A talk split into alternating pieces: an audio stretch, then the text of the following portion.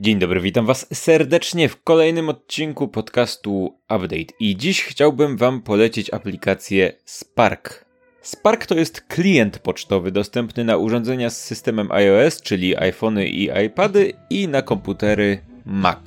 I to, czy będzie dla Was przydatny, jest tak naprawdę mocno zależne od tego, w jaki sposób korzystacie z klienta pocztowego albo w ogóle z maila, bo dla części z Was pewnie zupełnie wystarczające jest przeglądarkowe wchodzenie na Gmaila czy czegokolwiek tam korzystacie. Ale dla tych, dla których mail jest codziennym narzędziem pracy i którzy oczekują bardziej zaawansowanych funkcji od niego, Spark będzie po prostu nieoceniony.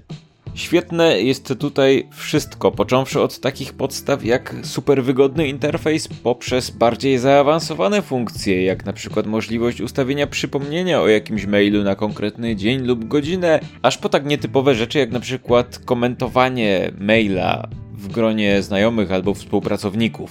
Mamy też jedną super rzecz, którą są szybkie odpowiedzi, to znaczy możecie sami sobie zdefiniować szybkie odpowiedzi na maila i wywołać je jednym kliknięciem, na przykład proszę zadzwoń do mnie w tej sprawie, albo odpiszę później, albo mm, okej, okay, otrzymałem twoją wiadomość. Jedyny problem jest taki, że te szybkie odpowiedzi zawsze są opatrzone podpisem Spark by Raddle i okej, okay, ja rozumiem, że aplikacja jest darmowa i to jest w zasadzie jedyna reklama, którą sobie robią w środku, ale ja bym chętnie zapłacił jakąś niewielką kwotę, żeby się tego podpisu pozbyć ale poza tym jednym drobniutkim szczegółem Spark jest najlepszym i najbardziej użytecznym klientem mailowym, z jakiego kiedykolwiek korzystałem. Integruje się nawet z innymi aplikacjami takimi jak Dropbox, Google Drive, Pocket albo Trello.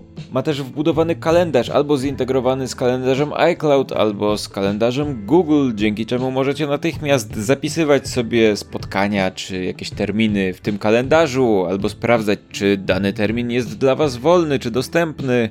Słowem jest tutaj w zasadzie wszystko, czego potrzebujemy korzystając z nowoczesnego klienta mailowego. I jest to dostępne za darmo, więc pozostaje mi tylko polecić Wam tę aplikację z całego serca. Linki do niej jak zawsze znajdziecie w opisie, a ode mnie w tym odcinku to tyle. Trzymajcie się i do usłyszenia.